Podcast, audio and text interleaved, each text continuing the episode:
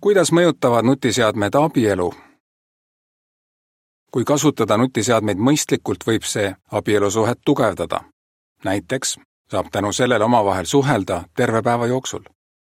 siiski võib nutiseadmete ebatark kasutamine mõjuda suhtele halvasti.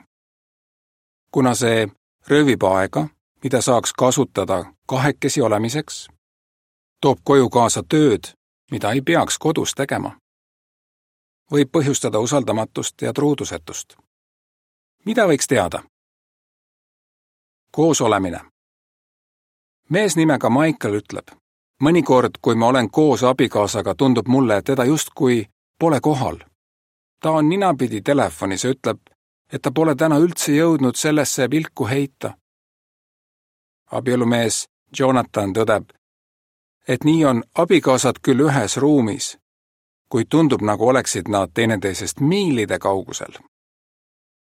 millele võiks mõelda? kui veedad abikaasaga aega, siis kui tihti sa sel ajal helistad, saadad sõnumeid või vaatad teavitusi? töö. paljudel inimestel on vaja oma töö tõttu olla kättesaadav iga kell.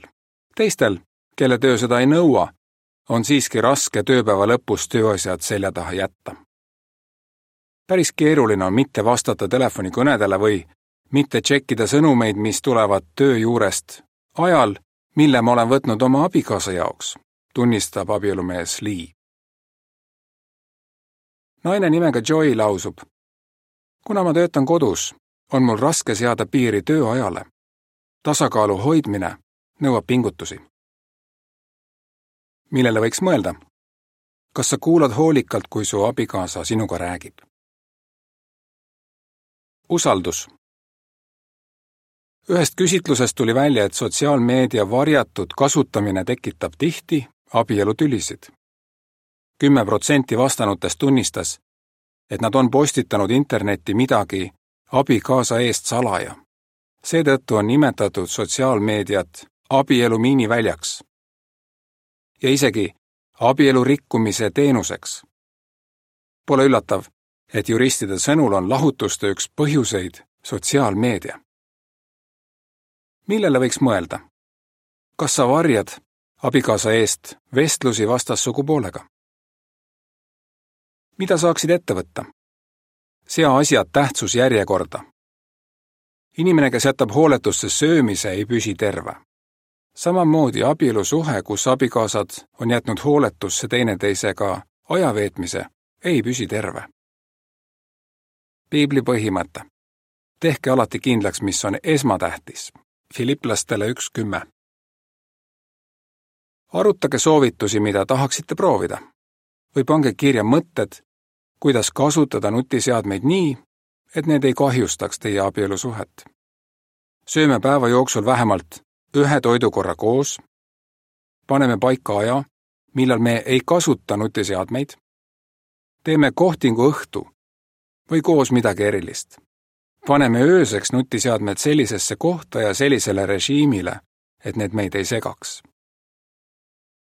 võtame iga päev viisteist minutit aega, et rääkida teineteisega nii, et nutiseadmeid pole käeulatuses. lülitame iga päev kindlal ajal seadmetest internetti välja. aruteluks abielupaaridele. mõelge järgmistele küsimustele omaette olles seejärel arutage neid koos.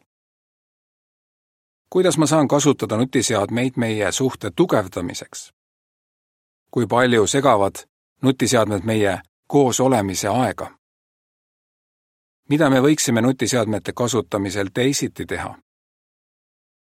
kas mul on lihtne jätta vabal ajal tööasjad kõrvale? kas mu abikaasa on selles minuga samal arvamusel?